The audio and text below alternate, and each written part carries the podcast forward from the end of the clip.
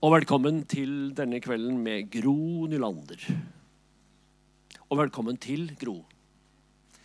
Jeg skal si noen få ord om den serien som det her inngår i, og som sikkert mange etter hvert begynner å vite om, men som altså heter 'For hva er da et menneske?' Og Den begynner vel nå å nærme seg en 20 forskjellige innslag. og I løpet av våren så nevner jeg bare at allerede om ca. to uker så har vi Thomas Hylland Eriksen her og skal snakke om menneskelig mangfold. Hva er det som skiller oss, og hva er det som forener oss? To dager etter det Aksel Tjora om fellesskap i den digitale tidsalder. Og så til slutt i vår så kommer altså Jan Grue, som er kanskje kjent for noen, men nominert til Nordisk råds litteraturpris. Har skrevet om sin ja, egen sykdom, men også om mennesket generelt, og menneskets grunnvilkår, som det heter i filosofien. Skal samtale med Arne Johan Vetlesen. Det blir en, en svær sak. Og så sier bare at i høst, 27.9., så skal vi altså ha Dag Solstad her. Og da skal vi snakke om hele hans forfatterskap. Så følg med, følg med. følg med. Men altså i kveld Gro Nylander. Gro er altså så mye. Hun er lege, fremskutt medisiner og ikke minst eh, spesialist i fødselshjelp, kvinnesykdommer og genetikk, men altså kanskje mest kjent for sitt forfatterskap om svangerskap, fødsel, amming og omsorg for små barn. I 2016 ble hun utnevnt til kommandør av Sankt Olavs orden trekk pussen, for sin sitat, 'fremragende innsats for folkehelsen'. Ja, jeg gjerne klappe for det.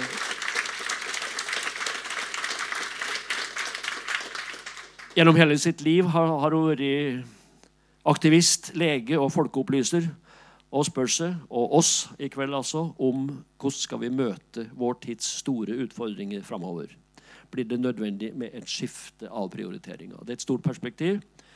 Um, ja, jeg har fått sagt Nå skifta jeg litt rekkefølge på det her, men jeg tror jeg har fått sagt det meste her nå, altså. Om Gro, og om, om det hun skal si.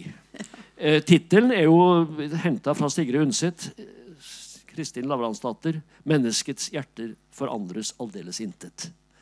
Og nå er jeg spent på hvordan du da klarer å, å vil forene på en måte det litterære her med det eksistensielle og livet og aktivismen og i det hele tatt. Så her, det her ser vi fram til.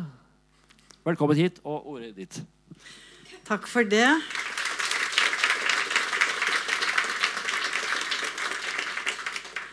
Stas å være i Trondheim, da. Det må jeg si. Mitt første minne fra Trondheim var ganske bittert. Da var jeg tre år og mista gassballongen min opp i den høyvestige bilen i Hotell Britannia. Og de fikk ikke tak i den igjen. Men siden har det blitt bedre, og i fjor sommer gjorde mannen min og jeg virkelig Reinklosteret og Tautra og jazz i Domen og vandring i Bymarka på pilegrimsledene hvor Kristin hadde gått i Sigrid Undsets bøker.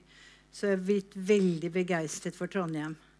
Og det er jo veldig stas å se så mange av dere komme ut på en fredagskveld. Hva med tacoen og Nytt på nytt og alt det der derre? Tittelen var det Per-Bjørn Forås som ga meg, da. Jeg må jo si det. Men jeg har vært borti den før. Um, skal vi se her Ja, jeg er også ganske spent Per Bjørn, på hvordan jeg skal få landa dette her etter den tittelen. Nå får vi se hvordan det går. Eh, hun sier dette med hjertene som aldri forandres. Aldeles intet til alle tider. Men hvis det da skulle være sånn at vi har lyst til å forandre disse hjertene, hva gjør vi da? Er det noen andre her som har en hjertesak dere gjerne skulle fått til? Det har jeg veldig lyst til å høre om, eventuelt etterpå. Jeg har da flere. Det må jeg bare innrømme. Og det jeg jo lurer på er Hvis disse hjertene våre er så uforanderlige, kan de allikevel bidra til de forandringene vi ønsker? Og hvorfor er det så innmari vanskelig å få til forandringer? Er det sånn at det bor en Per Gynt i oss alle som egentlig innerst inne har det der med ja, tenke det, ønske det, ville det med. Men gjøre det Nei, det skjønner jeg ikke. Er det kanskje sånn at vi trenger noen originale ideer? Trenger vi noen flere Askeladder som tør å spørre dumt? eller kjerringa mot strømmen, som har en seig trass som ikke gir seg. Der kjenner jeg meg litt igjen, må jeg si. Jeg mener jo at vi trenger aktivister. Folk som ikke bare koser seg med sitt eget gode liv, men som løfter blikket og se litt utover. Og nå tenkte jeg å fortelle dere hvordan jeg ble aktivist. Koselig å se så mye kvinnfolk her. Desto større stas å se at det også er en del menn. Jo, det hadde seg sånn at rett etter krigen så dro familien Nylander til Mehamn, så langt nord som du kan komme for de som ikke har geografien present. Eh, faren min var distriktslege, og vi var med på gjenreisingstida, som det het. Og det var nok tøft for de voksne, men det var fryktelig artig for oss unger fordi vi hadde så mange branntomter å leke i, og vi syntes det var så stas. Um, noe av det aller beste det var søndagsskolen. Foreldrene var ateister, så jeg uh, måtte snike meg av gårde i hemmelighet for å gå på søndagsskolen, og det gjorde jeg med glede, for der var det så fryktelig hyggelig. Der fikk vi jo høre om Jesus, og vi syntes det var ekstra stas at Jesus hadde så godt øye til oss ungene i Mehamn. Det utmerket oss så veldig. Og så syntes vi at det var fryktelig fint jeg husker det. Jeg prata jo finnmarking den gangen. Jeg syntes det var så fryktelig fint at han Jesus tok med seg lamunger inn i ei gullramme. Og Der lærte vi også å synge, og vi sang historien om 'Lytt nu til, jeg vil fortelle' om en liten spedmartyr. Kan dere den?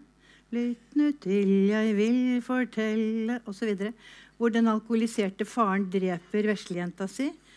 Og det var ikke noe sørgelig, for hun for rett til himmels. Men jeg for jo hjem og skulle da frelse mine foreldre. Stilte meg foran skapet med det sterke i hvit nattkjole som en liten engel og sa dere får ikke drikke dere full. Og det var da det begynte. At jeg skulle redde hele verden.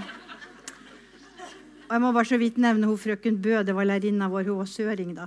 Og hun var så veldig snill og hadde bibelhistorie med oss og historie alt mulig. Og hun var ganske god pedagog. Og skal du redde verden, så trenger du å være litt god pedagog. Sånn at uh, Jeg minnes jo henne med varme. Hun hadde bl.a. spørrekonkurranse for oss. Og en gang vi hadde naturfag, så skulle hun sette oss på prøve, og så sa hun Hva er det for et lite dyr som er brunt med buskete hale? Nei, omtrent så stort, sa frøken Bø. Nei, det eneste vi hadde sett som var så stort, det var noe rypa, men hun hadde ikke hale. Ja, Og så er den veldig glad i nøtter. Nei, nøtter, hva det var? Det var kanskje noe vi fikk til jul. Ja, Og så hopper den fra tre til tre. Nei, trær. Det var ikke noe trær i med ham. Og frøken Bø så ganske skuffet ut, så til slutt så rakte han lille Melvin opp på handa og så sa han, Du, frøken Bø, siden det er du som spør, så er det vel han Jesus. Tida gikk. Og jeg vokste opp og ble tenåring, gikk på gymnaset. Vi diskuterte abort, og jeg var en varm forsvarer av det ufødte barn. Den hvite, nei, ridderen på den hvite hesten. Men så ble jeg enda større og flytta til hovedstaden og møtte kjærligheten og ble som alle av vår generasjon livredd for å bli gravid i utide. Og da snudde jeg helt tidspunkt i møte med realitetene og ble forkjemper for selvbestemt abort. For jeg ble 70-tallsfeminist, og vi krevde rett til selvbestemt abort, som er så selvsagt for de av dere som er unge i dag. Men det var en hard kamp. Vi møtte tøff motstand. Noen av dere som er litt godt voksen, husker kanskje disse gutta her, f.eks. Og de hadde jo et kvinnesyn som iallfall ikke så blidt på kvinner som talte i forsamlingen. Og det gjorde nå vi. Vi holdt ikke munn. Og i 1978 så ble abortloven gjennomført i Norge. En stor gevinst etter mitt skjønn. Og vi pusset letta ut og lente oss tilbake og fikk unger som var ønsket, og var veldig fornøyd med det. Men tror dere ikke at plutselig 40 år etter, 40 år etter så poppet det opp igjen. Erna ville at leger skulle ha rett til å nekte å henvise kvinner de skulle ikke gjøre det selv, henvise kvinner til abort. Og det syns vi ikke noe om. Og da var det de unge feministene og de gamle som mobiliserte og sluttet oss sammen. Her prøver vi å fortelle helseministeren at sex er kommet for å bli. Og i hvert fall når det skjer mellom to forskjellige kjønn, så oppstår det av og til uønskede graviditeter. Og det førte til at vi hadde det største 8. mars-toget noensinne, i hvert fall i Oslo. Jeg tror det var stort i Trondheim òg. Og de blå-blå Ja, og jeg ble jo veldig stolt som gammel utskjelt feminist da Jens Stoltenberg to ganger ba om å få gå sammen med meg i 8. mars-toget. Men jeg kunne ikke gjøre det da, for jeg hadde en avtale med barnebarna. De blå-blå trakk forslaget, og vi feira. Hvorfor forteller jeg om dette? Jo, fordi jeg tror nemlig at Sigrid Undset var en klok dame. Det var jo ingen eh, selvfølge at hun skulle få Nobelprisen, og det var ikke bare at hun skrev bra. Og hun har sagt noe annet som jeg tror er sant. Nemlig at det kommer ikke noe inn i intellektet som ikke først har vært innom følelsene. Det du tenner på, det blir du interessert i, og så tar du inn kunnskapen. Og Sånn var det med abortsaken, og sånn var det med mange ting. F.eks. så var vi i Norge litt spesielle feminister fordi vi ikke bare slåss for lik rønn og like rettigheter, vi slåss også for å få lov til å bruke kroppen vår sånn som det var ment, bl.a. til å amme. Dette er meg. Hadde det vært i dag, så hadde jeg blitt brent som heks. Og barnebarnet ser på det bildet, så sier hun Jeg vet det er deg, bestemor, men jeg skjønner det ikke. Sånn er det å bli gammel. Men på den tiden så skjønte jeg, etter å ha mislyktes helt med min førstefødte, at noe var galt i kongeriket Norge og i Vesten for øvrig. Da var det bare to av ti som i det hele tatt ga bryst når ungen var tre måneder. Og da tenkte jeg at dette må jeg jo gjøre noe med. Det var denne verden som skulle reddes, og det ble Ammehjelpen, og det ble legestudium, og det ble forskning, og det ble ditten og datten. Og så tenkte jeg at når vi forteller om hvor bra det er for ungen, og hvor bra det også er for mora, så vil de sikkert. Og så oppdaget jeg at det var ikke nok. Det var veldig viktig, det òg, men det var ikke nok. Vi måtte gjøre noe annet også. Og da var da jeg begynte å, å bruke sånne litt Kanskje noen syns det er tullete, men det funker. Oi, hvis prinsessene gjør det. Hele den norske kongefamilien er ammet. Jeg har personlig spurt kong Harald, og da smilte han blidt og sa ja, jeg er glad for å si at min mor ammet oss alle tre. Og det kan til og med være gøyalt å, å amme. Og da fra at det var to av ti som ammet, så har vi dagens situasjon hvor ni av ti ammer ved tre måneder. Og det siste eksempelet jeg har lyst til å nevne, hvor jeg føler at jeg har liksom stått på sammen med mange mange andre, men jeg har fått mye oppmerksomheten oppmerksomhet. Sånn er livet urettferdig. Eh, jeg forska på røyking under graviditet på arvestoffet, om det kunne gi eh, forandringer i arvestoffet. Og det var egentlig ganske eh, triste og oppsiktsvekkende ting vi fant, som jeg ikke skal gå inn på her. Men igjen tenkte jeg nå må jeg lese meg opp, nå må jeg gjøre noe med det. Det er ikke nok å vite dette. Og jeg for Norge og verden rundt. Jeg har vært i alle fylker og vært på St. Olav diverse ganger og sånn, og snakket om dette med røyking og graviditet. Og snakket med de gravide. Jeg hadde jo mange gravide til kontroller. Og så oppdaget jeg igjen at for mammaene selv så gikk det ikke inn det der at du, du dobla risikoen for dødfødsel for tusen. Selv om det er veldig sjelden, så dobler du risikoen hvis du røyker mye. Blant annet. Og da skjønte jeg at eh, de måtte skjerme seg. Er informasjonen for skremmende, så orker du ikke å ta den inn. Da ser du ut av vinduet og tenker på noe annet og håper at doktoren ikke skjønner hvor mye du egentlig røyker litt av det samme til det temaet jeg kommer til straks. Og da fant jeg ut at det de kunne ta inn, det var det som ikke var så farlig. Tanken på at du fikk mer rynker i framtida. Eller at det kanskje lukta vondt av deg hvis du røykte. Eller sånne ting. Eller at du ble tjukkere i livet, for det gjør røykere selv om de kanskje er tynnere. Det, det, gikk an å orke å tenke på. Men det der med at ungen din kunne bli død av det, det kunne du ikke klare. Og det som funket best igjen, det var litt sånne enkelteksempler, historier fra virkeligheten. Eller noe de kunne oppfatte. Oi, hver gang jeg tar en røyk, så får ungen min en røyk. Og det var ikke bra. Og på den tiden jeg hadde begynt med dette, så var det altså 40% av røykerne som lå på eh, sykehus i, eller fødte på sykehus i Oslo, som røykte. Og i dag er det 5% Det er fortsatt for mange, men det er allikevel blitt veldig, veldig mye mindre. Så igjen det er dette med tilgang til hjertet eller følelsene først, og så få det inn i hjernen. Og jeg tror jeg vet det er flere gode lærere til stede og jeg er sikker på at dere har litt samme erfaring. Og så ble jeg jo gammel nok til å gå av. Og da tenkte jeg jeg kan ikke bare sette meg ned og, eller gå og spille golf og sånne ting. Jeg må forresten fortelle Jeg snakka med en amerikaner. Skulle jeg konversere han, så sa jeg dette liker ikke golferen. De kan holde seg for ørene.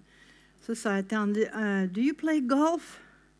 Så sa han No, I'm still sexually active.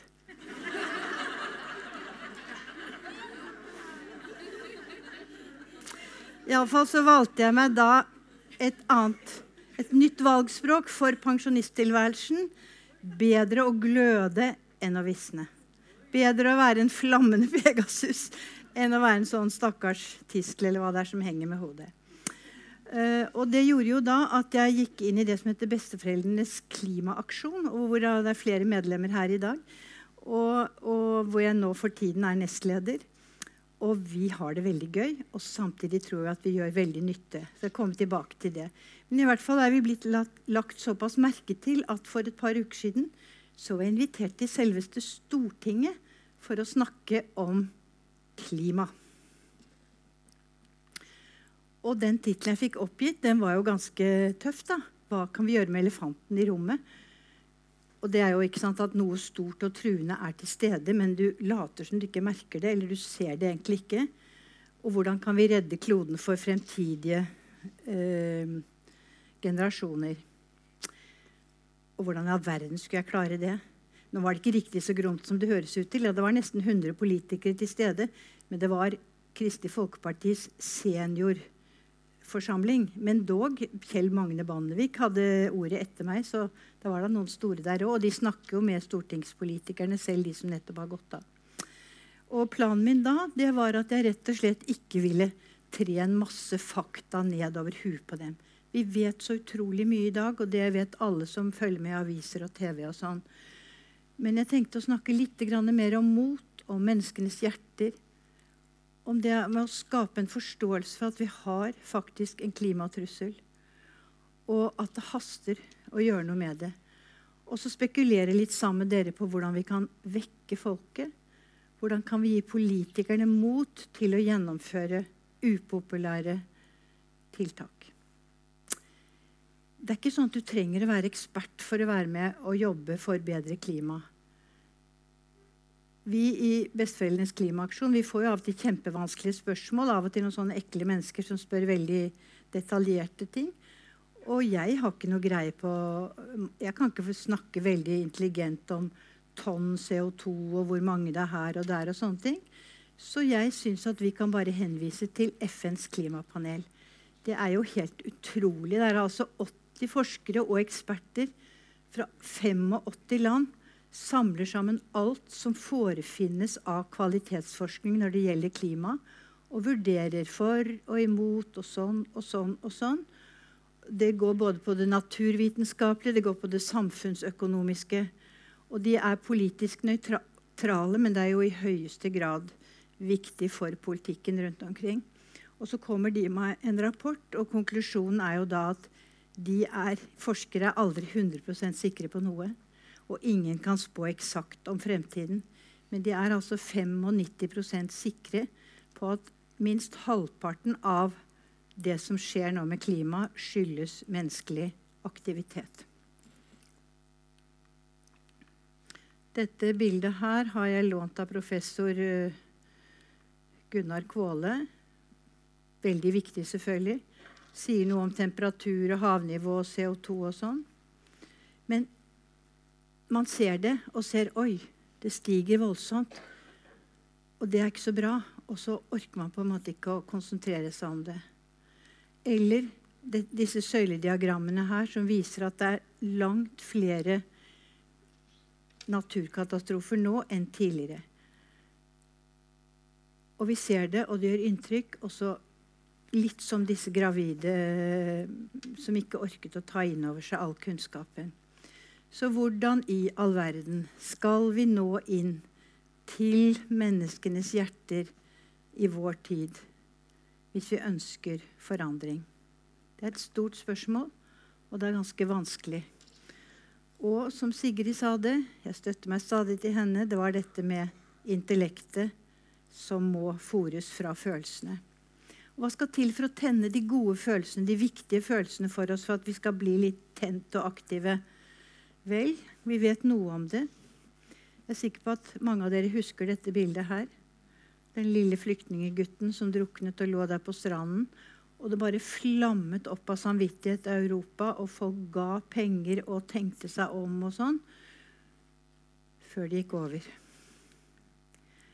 Og det gjorde jo mye mer inntrykk, den lille gutten, enn denne flotte kurven her om temperaturen i atlantiske vann, som vårt medlem Kristoffer Rypdal har satt opp. Eller denne her fra NASA, hvor de viser altså eh, polisen, som i dag er sånn, og som 1981 var det vel Nei.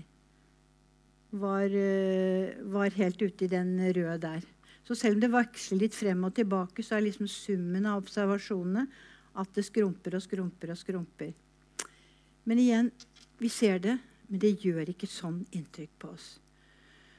Og uan, det gjør i hvert fall ikke inntrykk på disse menneskene vi har valgt til å styre landet vårt. 160 av 169 stortingsrepresentanter stemte for fortsatt oljeboring i Arktis, de mest sårbare områdene, til tross for at FN sier at den oljen vi ikke allerede har kloa i, må bare få ligge der. må bare få ligge der. Kanskje kan fremtidige generasjoner bruke den hvis man kan gjøre det på en uskadelig måte. Og samtidig så leverer man altså ut masse letetillatelser. Isbjørnen er også en sånn slags enkeltskjebne som gjør litt inntrykk. Og til og med barnebarnet mitt hun, hun vet at det er veldig trist at ikke isbjørnen har nok is å stå på, så hun klarer å fange maten sin. Uh, hun har for øvrig en standardgåte. Jeg vet ikke om dere kan den. Vet dere hvordan man lager blåbær? Ha, man tar kvelertak på ertene.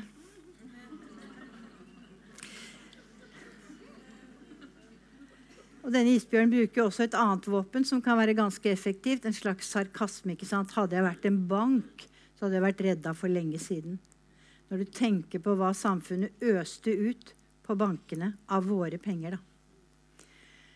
Så vet vi også at det hjelper at det er geografisk nær oss. Lille, bitte, bitte Norge. Verdens navle, selvfølgelig. Hvis det er, truer oss, så blir vi helt annerledes opptatt av det enn hvis, om det skjer her nede i langt vekkestand. Vesten gjør mer inntrykk enn Asia. Og vi syns det er skummelt når solrike, deilige California har rasende skogbranner i lang tid. Men virkelig inntrykk gjør det jo først når vi ser at det brenner 100 skogbranner i Sør-Norge, som det gjorde da i juli for et år siden. Og vi ser og vi ser og vi ser bilder av disse elendige menneskene som sulter og flykter fra nød og katastrofer. Og vi sitter stille og sier at Eller vi tenker det ikke engang. Det bare er sånn at vi tåler så inderlig vel den urett som ikke rammer oss selv. Når det derimot er tørke i Norge, da blir det noe helt annet. Da skriver avisen om det hver dag. Vi har dårlige avlinger, vi må slakte dyrene, og vi må ha landbruksstøtte, som rimelig er. Og flom i Thailand koster mange liv, og vi er ikke følsomme. Vi sier 'stakkars dem', og så tygger vi videre på fredagstacoen. Og når havet stiger, så sier vi 'åh, det var ille'. Heldigvis ikke her. Og så tar vi oss en slurk rødvin til. Også jeg. Men når derimot boliger i Otta kommer under vann, da våkner vi. Sånn er det bare. Vi er oss selv nærmest, og det må vi forholde oss til. Men det skjer noe akkurat nå. Det har dere kanskje lagt merke til det siste året bare. At uh, tidsånden holder på å snu. Det er ikke så morsomt når noen er flåsete. Når Carl I. Hagen sier 'sultkatastrofe'. Langt ifra. Jeg har da nettopp spist en bedre middag. og smilet stivner litt lettere over idioti, sånn som Donald Trump, som sier global oppvarming. Så flott, da. Blir desto bedre vær til å golfe. Ikke sant? Vi, vi liker ikke det så godt. Og denne her syns jeg er ganske sterk, hvor forskeren står og sier vi ødelegger jorden. Og så sier de dere vet, ja, men det er veldig lønnsomt. Sånn er det. Så hvordan kan vi påvirke disse som ikke vil høre og ikke vil handle? Hva i all verden skal vi gjøre? Jeg har ikke svaret, men jeg tenker meg at det kanskje er to trinn. At vi må prøve å se trusselen i øynene. Vi må prøve å forstå den, ta den inn, tro på den. Og da har vi jo noen eksempler i nær og fjern fortid. Noen av dere vil huske Chamberlain, Englands statsminister, som trodde at det skulle være fred i vår tid bare han klappet Hitler på skulderen, med katastrofale følger for folkene. Eller tiden før annen verdenskrig, hvor tegnene på nazismens grusomheter var veldig tydelige, men ingen kunne tenke seg det helvete som skulle bryte løs. Som kanskje er parallelt til det vi kan vente oss av klimakrisen, hvor det kommer til å være millioner på millioner på flukt fra tørke og flom og sult. Og hvor skal de dra hen? Mange vil sikkert gjerne komme til Norge. Nei, da er det bedre å lytte til kongens ja. Han sier nemlig at vi er opptatt av klima, hele familien. Og enten man nå er republikaner eller tilhenger av monarkiet, så er det ikke tvil om at kongen og kongefamilien er viktige forbilder for mange. Og jeg syns det er flott og rørende at han sier dette offentlig.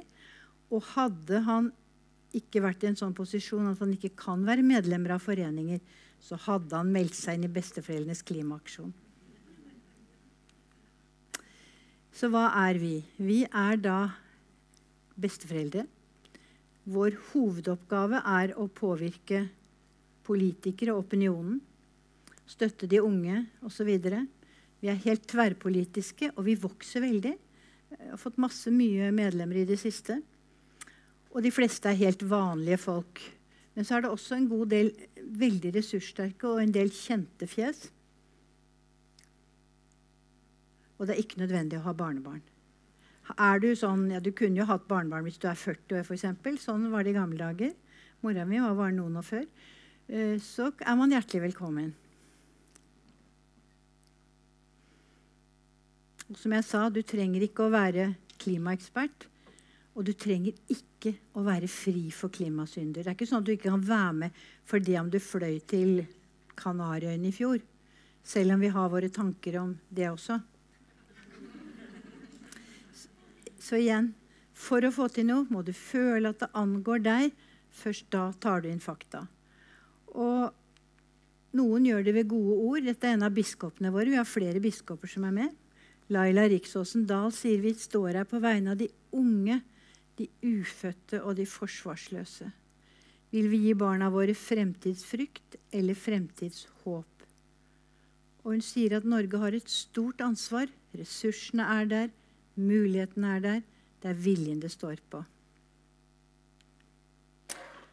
Og snakker om håp, så er jo skolestreiken kanskje noe av det mest håpfulle som har skjedd her nikkes det gjenkjennende. Er det noen lærere her? Én? Bare én lærer. Ja, jeg vet at det er i hvert fall to ekslærere her. Tre. Ja. Eh, det var jo litt forskjellig hvordan det blir mottatt, og det er blitt mobbet, og er, de gjør det bare for å ha det gøy osv. Vi får se. Kanskje er det en flopp, men det er jo fantastisk. Vi var der som følge for fem, elleve, tolvåringer som måtte ha voksenfølge, men besteforeldrene som organisasjon var der også. Og aldri har jeg fått så mye sånn Å, så kult at dere er her. Og så fint at det er noen voksne som bryr seg. Og tusen takk. Sånn holdt de på.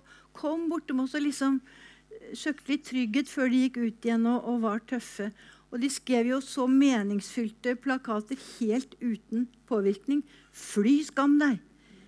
Vi skal arve jorda, så hør på disse orda. Det er et barnebarn i flokken her òg, da. Gjør noe nå, ikke bare se på. Siste sjanse er nå. Så kjappa. Kjappa tror jeg det betyr. Kjappa på. Og det var én plakat som var like foran oss, som var min yndlingsplakat. Der skriver de to, 2050 skal vi snakke om å vaske rumpene deres. Det er foreldregenerasjonen. Mens det svir mer og mer og mer. De skal bare snakke om det, så kan, de, kan vi ha det så godt. Det var i hvert fall mye ekte engasjement der, det skal jeg love dere. Og for to dager siden så ble jo Fritt Ord-prisen utdelt til Natur og Ungdom. Og Greta Thunberg, som bare var med på skjerm, men hun er jo et fenomen i seg selv. altså. Det var veldig morsomt. Og hun er jo rett på og skikkelig tøff. Jeg vil ikke at dere skal håpe. Jeg vil at dere skal få panikk, sånn at dere handler. Og hun spør jo hvis naboens hus brenner Naboens hus like ved veggen din, så hadde du ikke bare snudd ryggen til og eh, starta grillen. Sånn er det, sier Greta Thunberg. Um, og mens vi sto der Det var jo flott med kunstnerisk og ballett og sang og greier og taler og Greta Thunberg bare på skjerm fra Sverige og nydelig tale Natur og Ungdom. Så kom Kåre Willoch bort til oss etterpå. Vi sto og spiste kanapeer. Fint skulle det være. Han er jo en av oss. Og han er jo en morsom fyr. Har blitt det som gammal. Og han Det er jo noen av oss som kommer oss med tida, vet du. Vi får stole på det. Og han spør jo tror du på brann i huset ditt. Nei, du gjør jo egentlig ikke det. Men du tegner jo brannforsikring. Og så sier han en effektiv klimapolitikk koster en bagatell, som han sier i forhold til den gigaskade vi risikerer å skape hvis vi ikke handler nå. Risikoen er fatal, sier Willoch. Vi må gjøre hva vi kan, og han ber skeptikerne tenke seg om, så ikke de forsinker arbeidet. Lederen vår er veldig glad i å gå på ski, og det er det mange andre som er også, ikke minst her oppe i Trondheim. Så vi eh, stilte opp i Holmenkollen med bannere våre. Astrid Sandvik var med. Jeg vet ikke om hun er på dette bildet. Det klarer kanskje det å se. Den kjente Trondheims-olympiadamen. Kjempehumør og kjempepågangsmot og sto der i to hele dager til ende. Veldig flott. Og da er det sånn at Vårt mål er jo å Vi prøver å være litt linselus, for hver gang vi kan få litt oppmerksomhet, så når det jo frem. Og bare, Vi var jo flere enn de der, da, men, men vi var ikke fryktelig mange akkurat den dagen. Det var kaldt. Men, men det, media kommer, og det kom flere utenlandske og sa hva er dette for noe? Hvorfor står dere her? Og sånn. Og det er vi veldig fornøyd med. Så prøver vi oss litt forskjellige ting. Vi har hatt en kampanje gående som vi kalte Ta, ta en frifredag. Og spørsmålet var fri fra hva til hva for hva? Jo, fri for dårlig samvittighet og overforbruk og unødig utslipp. At du liksom skulle sverge på at en måned skal jeg prøve alt jeg kan, og tenke på de fem b-ene. Og det er jo som vi alle vet, det er bil, det er billett, nå tenker jeg flybillett, biff, bolig, butikk. Trenger du egentlig en T-skjorte til? Kjøp litt mindre. Og det fikk ganske god oppslutning, og, og det var en Facebook-gruppe for det. Og det vi så, de som meldte tilbake oss, det var antagelig bare en liten del. For jeg vet at det hadde spin-off utover og ble delt av mange. Og Vi har akkurat trukket en vinner av den kampanjen, og det er ikke offentliggjort enda, For igjen så håper vi da at kanskje en avis har lyst til å skrive om det. Så vi prøver også å få til det. Og f.eks. da Erna kom ut på, på Slottsplassen med sin nye regjering, som eh, da akkurat hadde gitt bort 83 letetillatelser for ny olje og erklært seg for tidenes miljøregjering, så sto vi der helt inntil sperringen og rulla ut bannerne våre. Og så rulla vi dem fort sammen og gikk pent bort når politiet sa, høflig og vennlig sa at vi måtte ikke stå akkurat der, for der skulle Erna stå. Men vi var der. Så vi er veldig fornøyd med alt vi gjør. Og nå er det sånn Og nå bare plukker jeg opp en liten bukett, og nødvendigvis jeg bor like utenfor Oslo, sånn at jeg kan ikke fortelle dere om alt de gjør andre steder. Selv om jeg vet om mye av det. Og jeg beklager at av og til popper opp et bilde med meg på, men det er fordi det er det, det vi har. Og vi var ganske stolt av dette her, for de, dere vet jo nå det voldsomme bompengeopprøret som pågår. Uh, og det skjønner jeg godt. Altså, det svir på pungen for en del mennesker. De syns de trenger bilen, og det er for jævlig, det hele. Men på en annen side Da sønnen min gikk i andre klasse, så gikk han eh, sammen med en jente med astma. Lille Martine. Hun var ganske mye borte fra skolen, men uh, klarte seg bra. Veldig søt, lys, nydelig liten norsk jente. Og så fikk Martine et skikkelig astmaanfall som hun ikke kom ut fra, og døde. Da var hun åtte år gammel. Sånn at når bompengegeneralen som dere ser bilde av her, sier at nei, det der med astmaunger og sånn, det tror jeg ikke noe på, det er bare propaganda, så blir du litt oppgitt som lege, ikke minst. Fordi det er så mange, mange mennesker med astma. Mange mennesker med kols som nesten ikke får puste og sliter og har et forferdelig liv. Og vi vet nå at lufta blir bedre. F.eks. i Oslo er den blitt betydelig bedre. Og det er færre av disse som blir syke. Og da kan du ikke holde det opp mot at du syns det er kult med, med biler og sånn.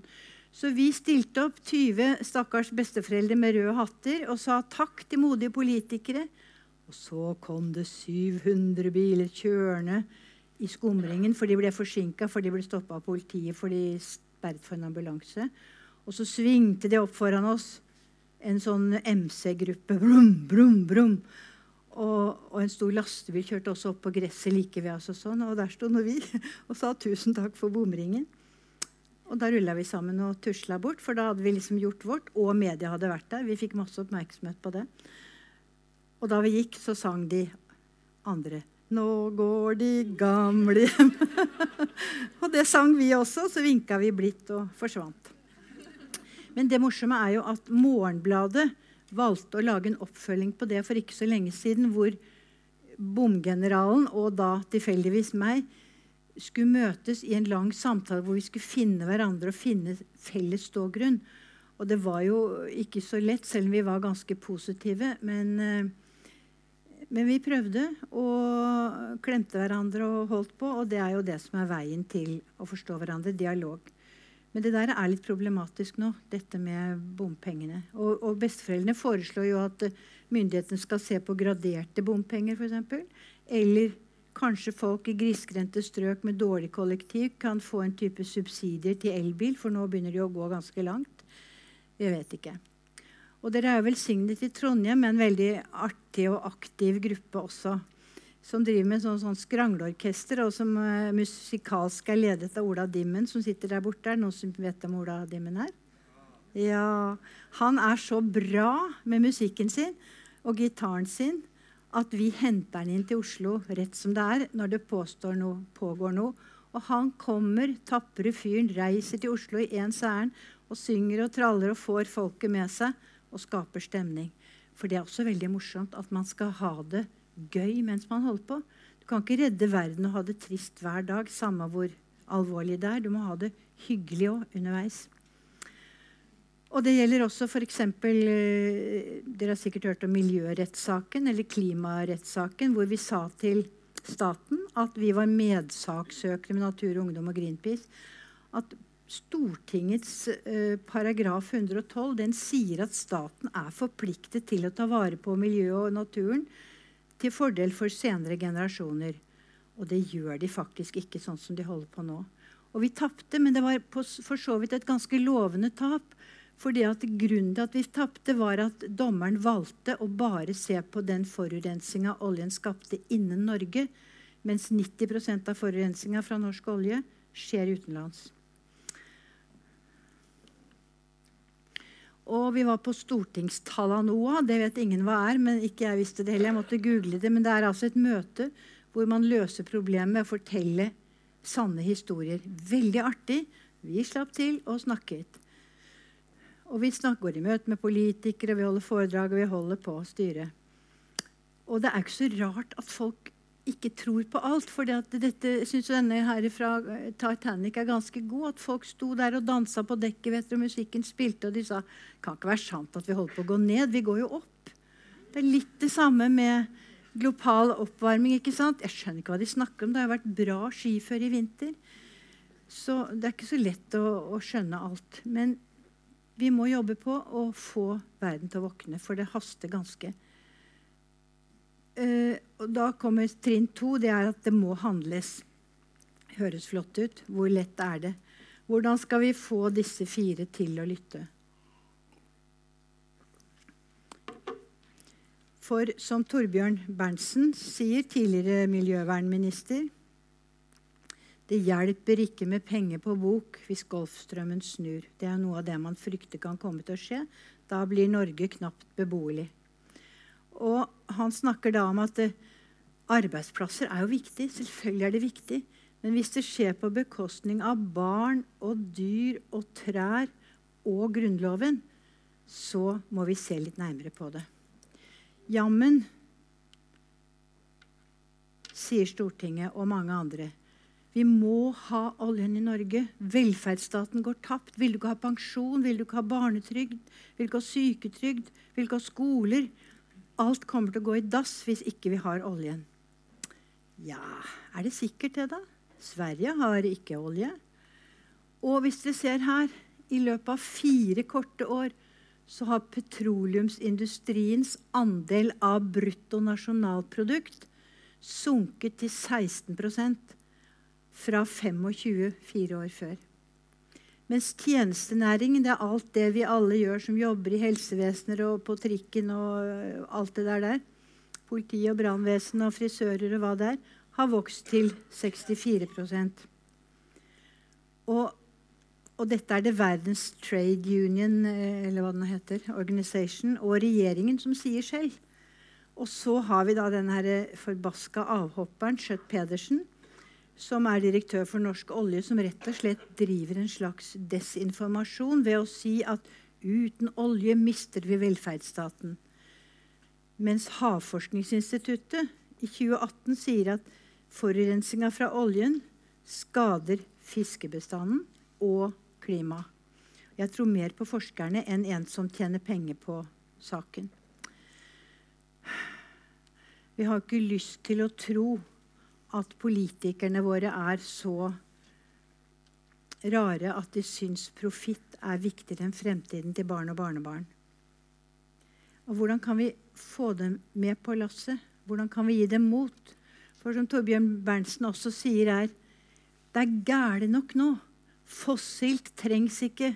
Både sol og vindkraft står i dag kommersielt på egne bein, sier han. Utslipp akkumuleres i hundrevis av år. Vi får ikke utslippene ned med fortsatt langsiktig produksjon dette har jeg rett på øret fra han, av olje og gass. Og så sier han nei til mer og mer og mer. Vi greier å omstille oss. Det har vi klart før. Han er en klok mann. Han begynner å bli utgammal, men han har mye godt å si. I stedet har vi altså litt tafatte politikere. Og jeg tenker, Kan dere ikke i hvert fall ta det enkle først? Nå skal ikke jeg foreslå løsninger, jeg er ikke ekspert på det, men vi vet jo at det har aldri vært brukt mer strøm i Norge enn i 2018. Hva med strømsparekampanjer? Hva med mm, døgnprising, så vi bruker strømmen fornuftig? Hva med pumpekraftverk, hvis dere vet hva det er? Vi har foreslått overfor departementet at flybilletter skal merkes med fotavtrykket de etterlater seg. Samme skulle vi ønske at annonser for fjerne reiser gjorde. Og videre. det er mye man kan gjøre. Og klima- og miljøvernministeren fra det såkalte miljøpartiet Venstre, som dog har valgt å gå inn i en regjering som de har, sier at det er alvor nå, sier han. Han, han vil det ved gode. Inntil vi, inntil vi, får mer miljøvennlige fly, bør du bare fly når det er helt nødvendig. Men han sitter altså i regjeringa som deler ut og deler ut letetillatelser. Det skjer mye bra nå, dere. Det skjer mye bra. Og mange tenker jeg orker ikke å engasjere meg. Teknologien kommer til å redde oss. Ja, kanskje. Jeg vet ikke. Vi kan ikke gjøre annet enn å være optimister. Og noe godt f.eks. at rutefly er blitt renere. 12% renere fra 14 og frem til i dag, sier Statens eh, statistisk sentralbyrå. Og Avinor har akkurat eh, proklamert at de skal ha elektriske småfly i kommersiell drift fra 1921, nei, 2021. Jeg vil tro det før jeg ser det, men det er jo løfterikt. Men de regner egentlig ikke med at alle innenriksfly er elektriske før i 2040, og det er veldig seint. Så jeg får si med ungene på plakaten 'fly, skam deg'. For hvis vi Det er klart du har lyst til å fly. Alle har lyst på sol og varme og eksotiske steder. Men fly litt smart. Istedenfor å fly fire ganger i året, fly to, da. Og fly litt nærmere. Det er ikke bare fly, flyvninger, men det er det at vi flyr så fryktelig langt. Og så er jo Norge et innmari fint ferieland. Andre gode ting. ikke sant? Solen blir billigere og billigere. Til og med Equinor bygger havvindmøller. Pumpekraftverk tar vannet som renner ned og lager sånn, og så pumper de det opp igjen. Så bruker de det en gang til og en gang til og en gang til. Norge kan bli Europas batteri hvis vi bare satser. Elbiler Ingen har så høy andel av elbiler. Og toget er jo veldig fint. Så vi får la ekspertene jobbe og la de tusen blomster blomstre. Men vi må være med å støtte. Så slutter jeg straks med hva er da et menneske? En litt trø på jorda, samme hvor heit hun er, skrev nordtrønderen Olav Duun. Og han snakket neppe om klima. Trøndere er jo jordnære folk. Det minner meg forresten om de tre småguttene som diskuterte hvor barna kom fra. Har dere hørt det? Jo, det var altså eh, Sønnen til presten han sa at barna kommer fra Gud, og de kommer storken. Ja, sønnen til doktoren han var nå ikke helt enig da. Nei, barna de kommer fra mammaens mage, sa doktorens sønn. Og så var det sønnen til ordføreren jeg tror det var ute i Stjørdal, som sa at ja, han, det kommer seg litt an på hvor i kommunen de bor, det, da. Så.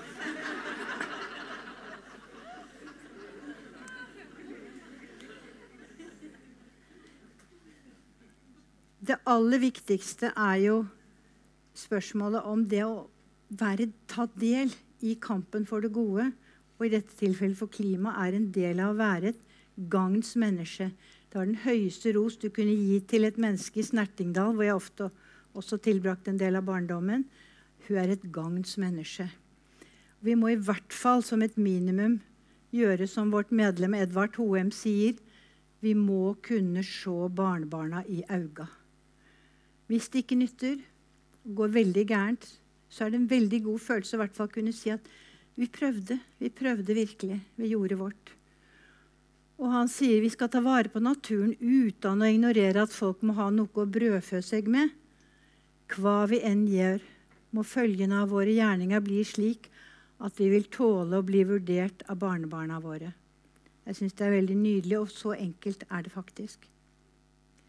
For det er jo sånn at hvis kunnskap skal tenne disse uforanderlige menneskehjertene som Sigrid Undset skriver om, til handling, så må fakta først innom følelsene. Og det er det jeg har prøvd litt nå å demonstrere for dere. Jeg vet ikke hvor vellykket det er. Men jeg tenker iallfall at nå er elefanten i rommet i ferd med å bli litt mer synlig. Spørsmålet er om dere kan være med og få den til å lette. For såpass skylder vi barnebarna våre, syns jeg. Takk.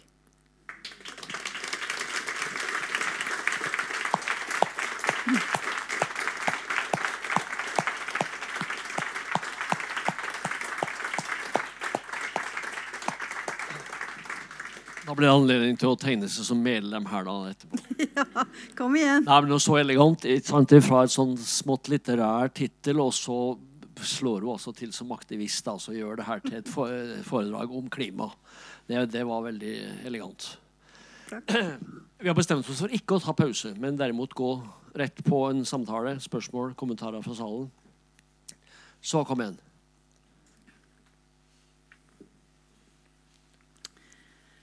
Jeg er veldig imponert over denne her eh, serien her. da. At dere trekker så mye folk på fredagskveldene.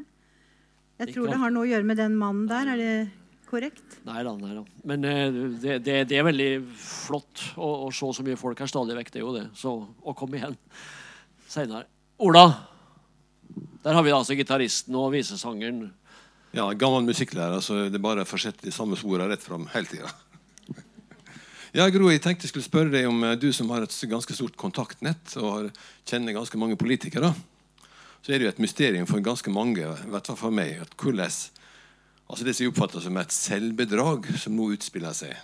Der folk ser ut til å tro at jo, vi har en veldig grønn politikk.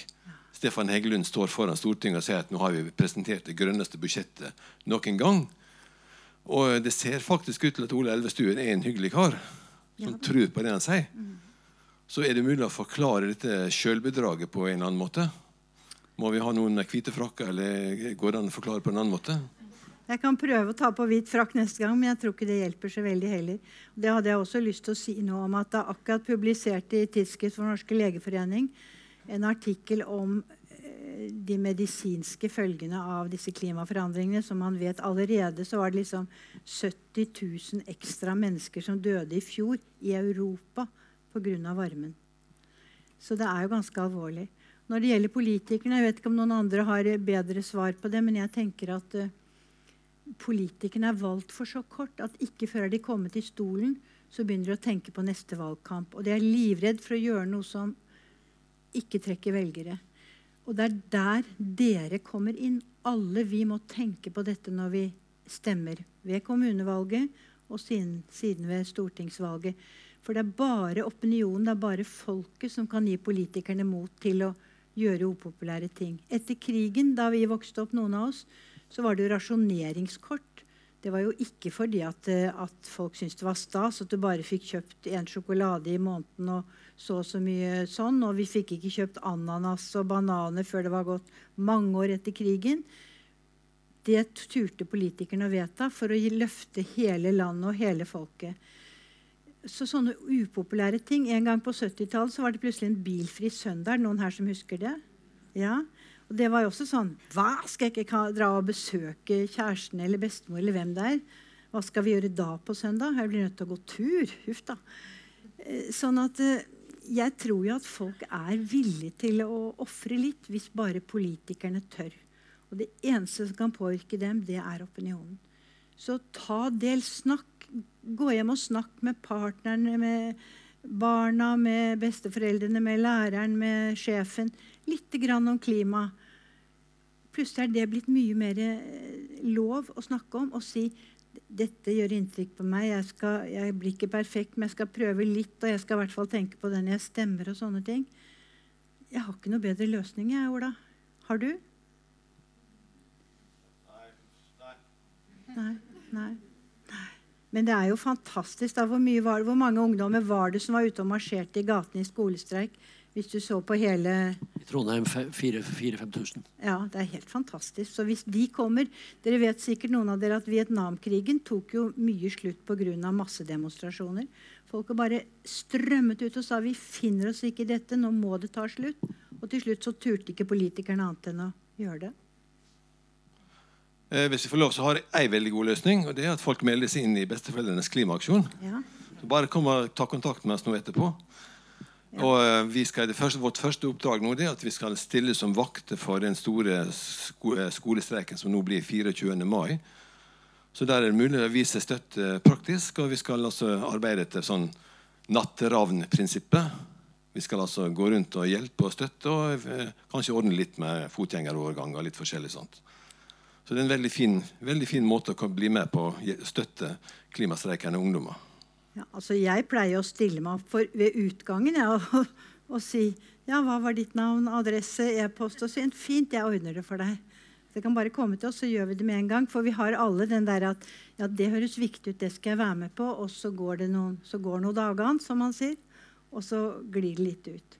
Det er veldig viktig. Hvis vi klarer å bli 5000 medlemmer, så får vi statsstøtte. Og det er veldig nyttig, for alle jobber gratis og frivillig. Og det å kunne ha råd til sekretær eller møtelokale eller sånne ting er veldig verdifullt. Så det er bare å bli med. Det koster omtrent like mye som en handlepose på butikken. 2500. Ja. Så det er slett ikke verst. Eh, vi er veldig stolte av det. Vi har hatt en veldig kraftig vekst det siste året. Så det er bra. Det er bra.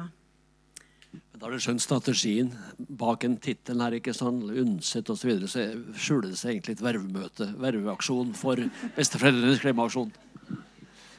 Ja, nei, flere spørsmål, flere kommentarer? Er det noen her som har, eh, har, har personlig erfaring med å prøve å leve litt klimavennlig? Ja, hva sier du? La henne få mikrofonen. Ja. Hun har noe å si. Eh, vi har Få komme frem i lyset, da, så vi ser deg. Det var så nydelig der du satt. Ja. Jeg, jeg syns ikke det er så lett. Altså, en prøver jo å tenke litt på det både i forhold til innkjøp, og i forhold til kompostering, og i forhold til reisevaner, og i forhold til å handle mindre og alt sånt. Men på en måte det er jo vanskelig å føle at det bidrar så mye, da. Ja, og da er det viktig, alle hørte hva hun sa, om disse små tingene vi kan gjøre selv. Og så er det noen som sier ja, vil du liksom gjøre hver enkelt ansvarlig for klimakrisen? Eller hva hjelper det? Herregud, se på Kina og India, og så er vi fem millioner i Norge, og noen av oss igjen prøver det. Havet, det der er en dråpe i havet. Glem det. Da må vi ikke glemme at havet består av dråper. Og vi må ikke glemme det som sies at hvis ikke vi, hvem? Hvis ikke nå, når? Det skal vi nordmenn, privilegerte på toppen av verden, ta inn over oss. Og vi skal heller ikke glemme at litt er veldig mye mer enn ingenting. Ikke sant? Så det er en fin begynnelse. Andre som gjør noe veldig lurt, eller har et godt råd til oss som holder på. Ta det med dere når dere skal stemme, i hvert fall. da. Husker det Jan Erik Vold som en gang uttrykte seg slik Det er håpløst, og vi gir oss ikke. Mm. Ja. ja. Flere? Politikere er litt sleip. vet du. I Trøndelag så heter det det var en trøndersk politiker som sa det at, at altså om bærekraftig utvikling I Trøndelag heter det for bærekraftig utvikling. ja. ja, den er god, altså. Ja. ja. ja. ja.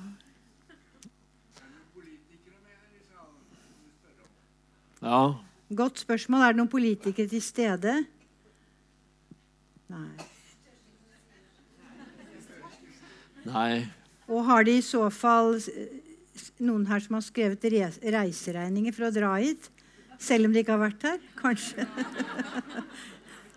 ja. Ja. Men av og til tenker jeg når vi, når vi skylder på politikere, at det kan også være litt lettvint. Det gjelder oss alle sammen. Mm. Mm. Altså det men hvordan er det med Trondheim? Skjer det noe bra her? Sånn, det vet kanskje Ola eller du eller Per Bjørn eller noe, noe om. Det er sikkert Nina. Noe som, Hvor er Nina? Der var Nina Weidemann, også aktiv styremedlem i Besteforeldrenes klimaaksjon. Hvordan er det med lokalpolitikken i, i Trondheim? Er den noe klimavennlig? Ja, få høre, da. Det skjer mye bra, sier Nina. Det skjer mye bra i forhold til f.eks. For kollektivtrafikk. Uh, og kommunen begynner i større og større grad ta hensyn til klimaet når de skal lage nye bygg. Mm. Uh, og i det hele tatt så tror jeg her i Trondheim som mange andre steder så har det, har det snudd. Altså det, det, de fleste politikere må begynne å tenke på det aspektet når de skal utforme politikken sin. Mm. Uh, det er klart at det, det, kan gjøres mye mer, og det er veldig viktig at velgere uh, fortsetter å stille krav til politikerne. Og at de ved, ved å velge partier som virkelig har grønne programmer, ikke nødvendigvis de grønne, men altså, det er ikke det jeg mener. For eh, det er flere politiske partier som har gode programmer. Men at de viser at det med klima er en viktig ting for velgerne. Mm. Men Trond Trondheim er ikke den byen som er dårligst når det gjelder klimapolitikk. Men fremdeles er det mye som kan gjøres. Trondheim er vel ikke dårligst på noe, vel? Nei, men det er interessant at du nevner boliger, for det er sånn eh, jeg ikke var klar over. At boliger er en veldig stor eh, del av klimaproblemet, faktisk. Og at de nå blir så mye flinkere til å bygge også i Norge sånne boliger som forsyner seg selv med energi, mer eller mindre. Så det er bra. Og det aller verste er skilsmisser, for da blir det to boliger av det som før var én. Det er litt mindre da, vet du. Ja. Så vi sitter i glasshus alle sammen. Ja vel. Det er galgenhumor, det her, da. Ola? Ola? Bare opplyse om at det er jo eh, ja. Lærer vant til å brøle. Her har vi aktivisten, altså. Det er jo veldig eh, fine muligheter på Litteraturhuset til å møte politikere. Nå er det vår politiske frokost. da. Neste er vel er det Bent Høie. Hvem er det? Nei, det er ikke han. Nei, Jeg har ikke det programmet i hodet. De de kommer på, eh, på rekke og rad nå, så det er bare å møte opp og stille spørsmål. Ja, det er viktig, altså. Og stille dem Ikke gi seg før de får svar. Nemlig. Der har vi en røst bak der. Et ansikt, iallfall. Eh, takk for foredraget, forresten. Det var veldig flott. Eh, det som eh, jeg tenker mye på, at politikerne de virker som de eh, egentlig venter på å få å se hva som skjer i verden, så at de har en mulighet til å ha eh, si, ryggen fri i forhold til å mene noe om saken. Fordi eh, i Norge så er det jo veldig lite som tyder på at vi har klimaproblemer. Ha mikrofonen litt nærmere. Ja, jeg tenker på bl.a. Uh, at vi har fordobla antall mennesker på jorda siden 1970. Og det betyr jo at eh, andre land og andre områder har jo helt andre problemer enn oss. De eh, mangler mat og vann, tenker jeg, ganske fort. Og da blir selvfølgelig alvoret veldig annerledes for våre politikere når de ser hva som skjer hos andre. Så jeg tror nok at eh, det blir en forandring, men eh, de sitter nok og venter på å få på en måte, innspill til å mene noe. Tradisjonelt da, så gjør de jo det. Vi går ikke foran vi og mener noe resten av verden skal høre på oss. Det gjør vi jo ikke. Samtidig skal vi ikke glemme at vi gang etter gang blir rangert som verdens uh, rikeste eller lykkeligste land. Og at de skandinaviske samfunnene for mange deler av verden er et slags ideal. Hva er det vi har fått til her med demokrati og likestilling og, og sånne ting? Så vi kan ikke ordne opp i India, men vi kan prøve å ordne opp i Norge. Nei, det, det jeg er helt enig med deg, men eh, det som eh, Jeg tenker veldig ofte er det jo sånn at eh, når konfliktene blir store i, i andre land, så blir måten å tenke på lettere å ta inn over seg i Norge. Og så, hvis jeg f.eks. Si, møter familien min og sier hva jeg mener om klimaproblemer, og legger ut hva jeg har lest om det, så um, blir det veldig stilt. Og det er jo det eh, Jeg merker jo at det, det som blir snakka om her, det er jo eh, egentlig fossilt eh, problem. Men matproblemet og vannproblemet er jo mye større egentlig for mange andre områder. Fordi konsekvensene er jo skyhøye. Altså om vi lever med ja, fossilt problem i Norge, det vil ikke være det samme. Og, og Derfor tror jeg at eh, når, eh, når det, de store endringene som med store forflytninger med mennesker og krig og uro, da, de eh, sender signaler som endrer politikken i Norge. For de vil nok eh, lytte på det, tenker jeg. Men vi må nok vente til det skjer noen ting. Det er tanken min. i hvert fall. Det er tanken din, ja. ja. Altså, det er jo på en måte flere måter også å angripe det på, som Greta Thunberg som sier Jeg vil ikke høre snakk om håp. Kom igjen. Med dypt alvor. Og til oss som tenker litt sånn pedagogisk Det, det, det gjelder å gripe tak i det lille de gjør riktig, og skryte av dem. Jeg skal få lov å snakke i noen minutter på Equinors generalforsamling på torsdag. Jeg har kjøpt meg ti aksjer. Endelig ble jeg aksjonær. Og, og da har jeg fått råd av Jeg har snakket med noen næringslivsfolk som har litt greie på det, og, og sagt hva kan jeg på de minuttene gjøre inntrykk med? Og da er helt unisont rådet du må ikke være rabulist og skjelle dem ut og sånn. Du må opptre som den aksjonæren du jo er. Og så må du snakke om hva kan gagne oss. Hva, hva gjør at vi kan stole på at vi kommer til å ha stabilt eh, aksjeutbytte i årene fremover? Hvordan kan vi bevare vårt gode omdømme? Jo, men jeg tror de har rett, dessverre. Jeg tror Det Det er litt som på skolen når han rampegutten som alltid bråker i klassen, endelig sitter stille i to minutter, så griper jo de gode læreren tak i han og sier så, så fint. Altså, du roser, du venter til ungene gjør noe ålreit. Og jeg tenker at uh, ja, altså da skal jeg nemlig rose dem, for de har jo ett havvindprosjekt på, på gang. Uh, og så si at flott, bare ta og mangedoble det i rasende fart. Jeg tror Vi lager alle litt sånn mur hvis vi bare får kjeft. Så jeg vet ikke, Er det noen som har veldig gode råd om hvordan vi skal angripe dette? Jeg vil vært imponert hvis du klarer det. ja. Plutselig på fredag går Equinor ut med en pressemelding. Vi legger ned all oljen. Vi bygger hav havmøller overalt. Ja. Hva ville Greta Thunberg ha sagt, tenker jeg. Ja. da, Greta Thunberg sa for øvrig takk, ja takk to ganger til å komme inn i den serien her. Men når vi begynte å slåss med alle internasjonale arrangement, så måtte hun takke nei. Men hun står fremdeles på Vent muligens til høst. Jeg tror ikke hun kommer. Hun, hun, må jo også leve et ungdomsliv stakkar, og skjermes og sånn. Og nå er hun liksom hos paven og i EU og i FN og sånn. Men som hun sa, Trondheim lå veldig høyt oppe. Ja, det er det klart. Trondheim går, Trondheim går foran det meste. Det har jeg skjønt. Ja. Nei, men uh, er det slik at vi skal begynne å trappe ned her? De har fremdeles sjansen. Men uh, det er fredag kveld, og, og noen, av oss, noen, av oss, skal ut på byen etterpå. Sånn, så, så vi kanskje vil si takk for i kveld. Da, men da vil jeg, som jeg mer og mer gjør, jeg vil klemme forholdsvis. Aha, jeg la... ah.